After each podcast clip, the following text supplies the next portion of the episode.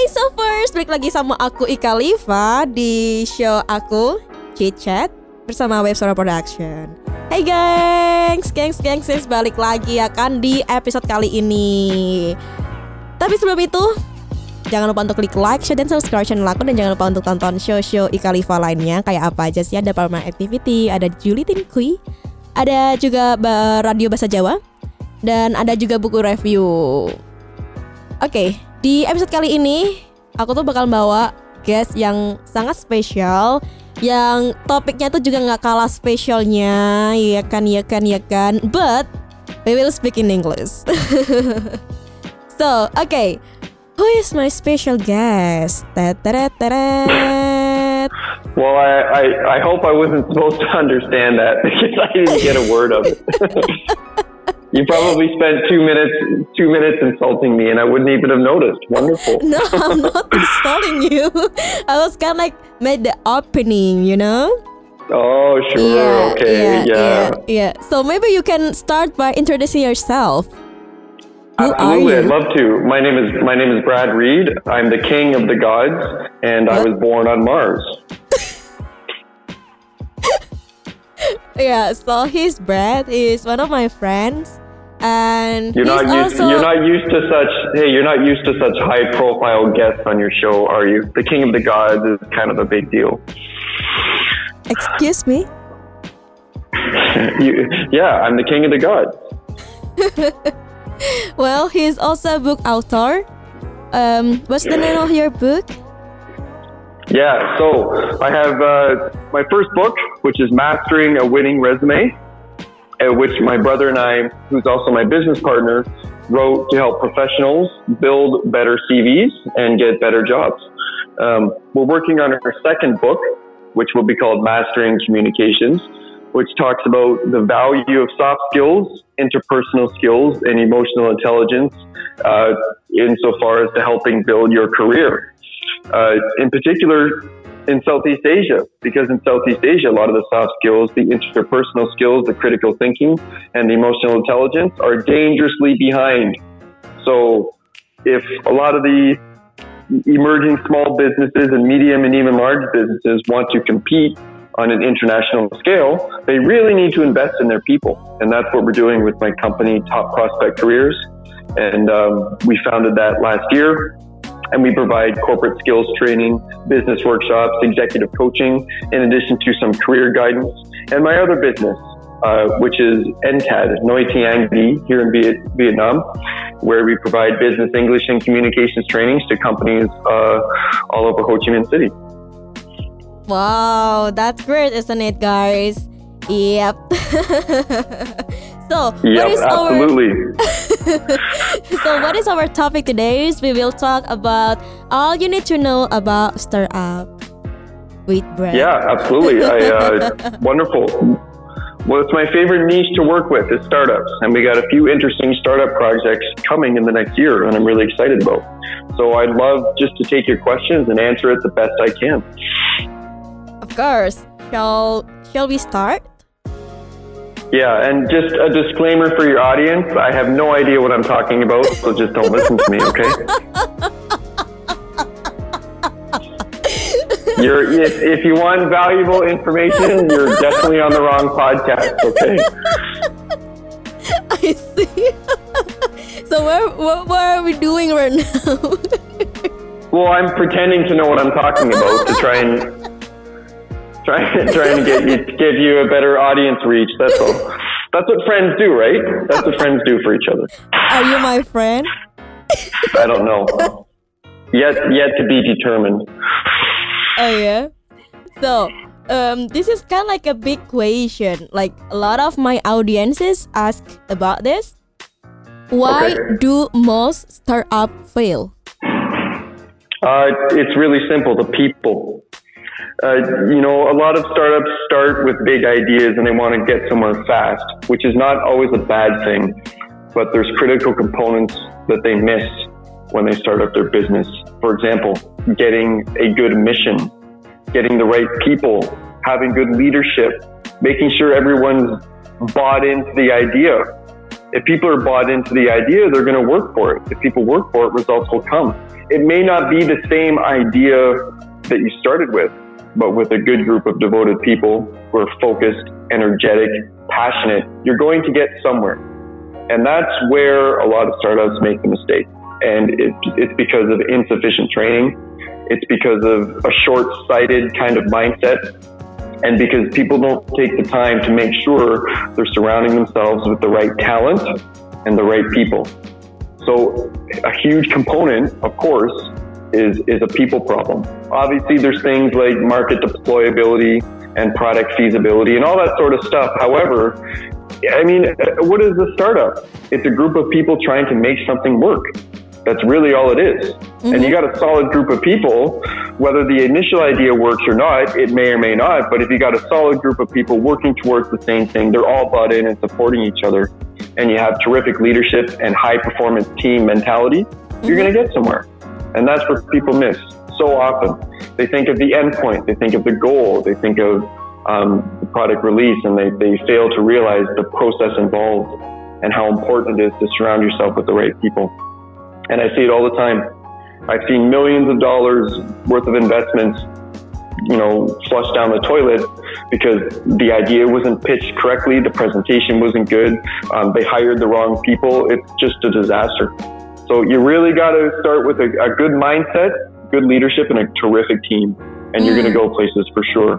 Mm. It may so, not be where you expected. It may not be where you expected, uh-huh, but uh-huh. you'll definitely go places, right? Oh wow, so wise. so why? Oh, so, so wise. wise. Yeah, sure. I'm a good actor, right? Uh, I, I made that all up. I made that all up. well, is that because maybe I already prepared the question and you can do research, or? Actually, no, you didn't prepare the questions. You just put me on the hot spot here. this podcast is bullshit. I had no prepared questions. I see. And the next question will be what percentage of startup fail in the first year? Can you say that again? What is the percentage of startup fail in the first year? Um, can I just Google that? Can you give me a moment?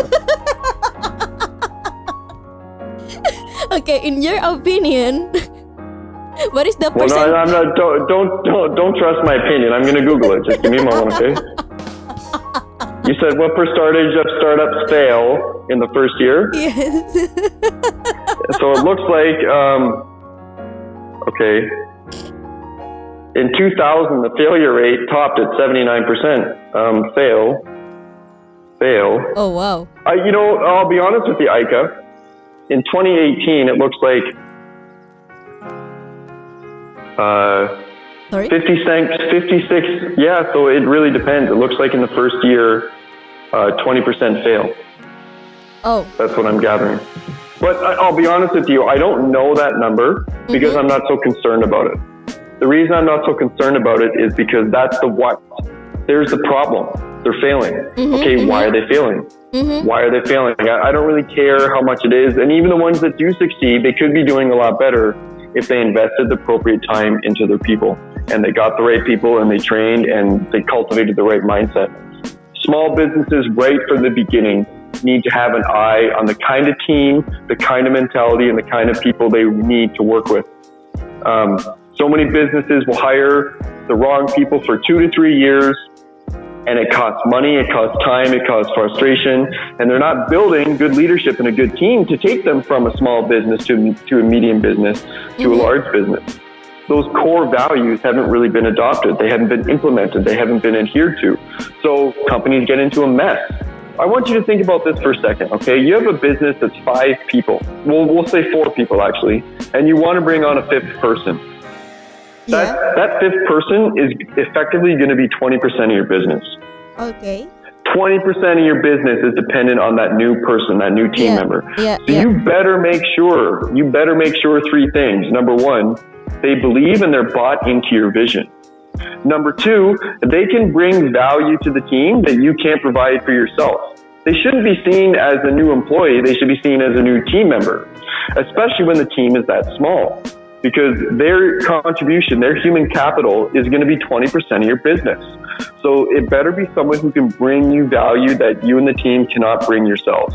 You need to find someone who has expertise, competency, knowledge, critical thinking, good communication that you can leverage to enhance the mission and the goal of your small business. Number three, are you able to cultivate an environment that gives value to them, to keep them interested, to keep them engaged, to keep them motivated? Because if you're going to hire someone who's bought into your mission, can bring a lot of value, they're also going to want to have some autonomy, some independence, some creative freedom. Are you able to provide that for them as a team? Those are questions that need to be considered, and it's sad because so many startups don't. Yeah, yeah. And Right, and they pay for it. They pay they pay for it in the short term, and they pay for it in the long term. It's really not a good idea. Oh, I just I just found a Google stat for you. Hold on. Why 90% of startups fail, and what to do about it? Why would you need to googling it? Well, because I don't know the number, because frankly, it's not my concern. I'm not concerned about the what. The what is, yes, they fail. What percentage it is, it doesn't concern me because I'm focused on trying to fix a very specific kind of problem. All right. all and right. so, for example, you know, if you're a startup, you need to be good at pitching your idea. You need to be good at selling your ideas. You need to be good at presenting. You have to have a good, motivated, cohesive team. You need to have good leadership. You need to have good competency. You need to have high performing team members. If you don't have that, even if you do make it, there's going to be problems in the long term that and you're going to have to how address. to do that? Like, how can be a good leader? How can we, uh, you know, present a perfect pitch to the investor? How to do that? Ah, okay. So those are those are two really, um, really different kind of questions. So which one would you like me to answer? Um, first of all, maybe like how to be a good leader. Okay, well, a good leader starts with self leadership. It really starts with having, you need to be aligned with who you are, what you want, where you want to go, and you need to understand the kind of people you need to surround yourselves with, you need to surround yourself with to make that happen. If you don't have your purpose and your vision and your goals and your discipline and your humility in place, you're not going to be uh, as good a leader as you could be. Human beings are mostly emotional creatures. 90% of our decisions, uh, roughly every day, are based off of our limbic brain, our mammalian brain, which is emotional. So people follow leaders who inspire them, who motivate them, who speak to their interests. And for example, as a leader, if you want people to follow you Mhm. and to help help you with your mission and your goal and your purpose, you Mhm. better know what it is, and you better be fr- pretty pretty clear what it is, and you need to be living your life in alignment with what that is, and develop the discipline and the habits to make that happen. Then, the people who are naturally attracted to you and your mission are the kind of people that you want. Okay, it's not like I need to sort of figure it out and then go find them. They, in essence, you want people finding you, being attracted to you, being attracted to your goal, your mission, your values. That's when you get the buy-in. That's when people go, "I want to do this. I believe in this. I want it." They're intrinsically motivated. When people are intrinsically motivated, they're much more likely to grow, adapt, you know, train, contribute. And so, as a leader, you need to line those things up first. Who am I? What do I want? You know, what value do I want to provide the world? And who do I need to surround myself with to make that happen? Mhm. And um, those are, you know, three or four really critical components of good leadership. A lot of it, too, of course, is motivation and empowerment and emotional intelligence. Leadership's a big field, and I teach a lot of it. But in, in particular, in terms of startups, you know, you want the people who would naturally be attracted to you and your Mhm. project. Mhm. Why would you want anybody else? Mhm. It just Mhm. doesn't make any sense. And startups go wrong with that all the time because they think, oh, this guy knows technical stuff. He can help me. But if he's not bought into the mission, then that's going to be a long-term problem. right. So as a leader, as a leader, you really, really need to to embody your vision very clearly, and the right people will come because they will feel gravitated and they will feel um, interested in what you're doing, and they'll make a decision that way. That's the start. That's the start. I see, I see. And the next question, it's yeah, how can we pitch to the right investor and how can you know like investor feel like interest to invest to our startup? Okay, so pitching to the right investor means it means Either it would be great if they found you. Mm-hmm. There's a there's a there's a concept in, in in my line of work, and you know my business partners and I are really trying to embody this, which is you don't want to be selling, people want to be buying, Mm-hmm. and it's a very different dynamic. Okay, Yeah. so when you're trying to sell, you're trying to demonstrate value to someone. That's what you're doing. That's all sales is. Can I demonstrate enough value to you uh, for you to justify the expense that you're going to spend on my service or my product? Okay, Mm-hmm. which is which is different than them buying something. Which means you know if someone is buying, they recognize inherently the value of the service or product that I am providing. And then when they come to me, all my job is is to verify their intuition already, which is yeah, this is the right guy and this is the right service and these are the right people. Mm-hmm. Um, so ideally, in a perfect world, you know, if, if you're delivering value in the key areas that you need to be, people will find you. And you don't have to go and try and sell to anyone because they come to you and they, they buy as opposed to you selling. And it's a much, but you know, between my brother and I, who's my business partner in my first business, we've had over 300 clients. And I asked him the other day, I said, hey man, I'm just curious, like when people came to us, you know, Mhm. how many people complained complained about our service or how many people were, you know, arguing with us or something like that? Mhm. And he's like, none, zero, Really? Nobody. Oh wow. zero, Oh wow. zero. Now, then I asked him, I said, okay, so we've had very few, but when were our clients kind of difficult? And he goes, every client that I approached and tried to sell to ended up being difficult. Because it's it's uh, it's inverted thinking. We're trying to sell a service to them that they're not completely bought into. Yeah, yeah, yeah, So yeah. they think they may know they think they may know it a little better, or they think they're not completely sold on our idea, and that you know there's all these sort of things that when you're in a position of expertise and you can deliver solid value, speak to their pain points, um, give them solutions that are meaningful to them, you don't need to sell. They're just going to come to you. You know, like when your computer breaks, do you argue with the computer man? He's like, you need a new hard drive. And you're like, no, actually, I think I just need a new mouse. And he's like, no, you need a new hard drive. And Mhm. people shut up and we listen Mhm. because he leverages his expertise. He is not selling, we're buying, right? yeah, when yeah. something in our house fixes, you know, when Yeah. something in our house breaks, we don't sit there and argue with him. It's like the plumber comes and he fixes some pipes. Okay, well, he knows what he's doing and we're buying, he's not selling. And so, as a startup, you really want to get into that position and uh, one, know your target audience, two, understand their pain points, empathy. You know, there's the, the five step design process, which is basically empathy. I encourage anyone who's listening to this podcast to look into the five step design thinking process, which is understanding clients and customers on a human emotional level, which is very important. And then number three is once you understand their pain points, what solutions are you providing for them and what value are you providing for them? I mean, mm-hmm. many companies provide solutions these days, but people really buy value. yeah, So yeah. going that extra mile, letting them trust you, building a relationship is the value that you add. And ultimately, if you're doing that right, the right investors will come. Of course, if you want to attract the right investors, Mhm. know who you're trying to attract. Know what they what might speak to them. Understand very clearly why your project may benefit them. Think in terms of what they want, what they desire, how their investment will provide a good ROI for them. You know, it's very important. Don't think about yourself and your own startup. It's not wise. Think about them, what they want, how you can serve them. And then you can approach them from that lens, from that standpoint, and go from there. I see. And what are the characteristics of startup that succeed? You sound so disappointed. I see. Don't googling. Don't. I'm not Googling. I'm honest when I Google. I wasn't Googling that. Okay. Unbelievable. Next question, please. I will disappoint you with another question, okay? Oh, why is that? Nothing. Go ahead. Ask me. Yeah, th- yeah, that's the question. Like, do you, do you know like the characteristic of a startup that you think it can be successful or not? Yeah, they're solving they're solving a problem that speaks to people.